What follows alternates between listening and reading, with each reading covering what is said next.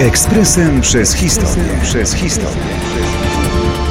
23 stycznia 1980 roku prezydent USA Jimmy Carter ogłosił doktrynę dotyczącą amerykańskich interesów w Zatoce Perskiej. Był to bardzo niespokojny rok na świecie po obu stronach żelaznej kurtyny. Dla USA oznaczał on kolejne próby zabezpieczenia swoich interesów strategicznych w Zatoce Perskiej. Była to oczywiście kontynuacja długotrwałej polityki, mającej swe źródło jeszcze w decyzjach prezydenta Eisenhowera z drugiej połowy lat 50. XX wieku.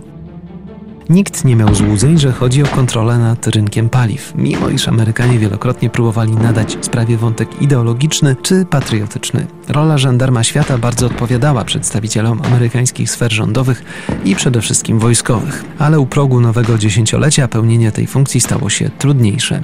Wiele zdarzeń na świecie kontestowało amerykańską hegemonię. Rok 1979 był tu szczególnie ważny. W styczniu doszło do rewolucji islamskiej w Iranie. W grudniu armia ZSRR najechała Afganistan. Otworzyły się kolejne teatry zimnej wojny.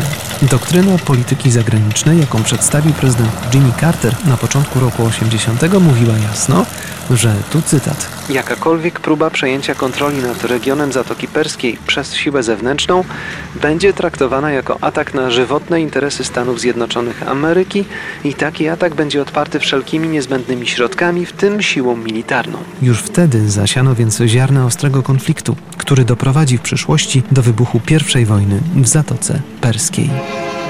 Ekspresem przez historię. Przez historię.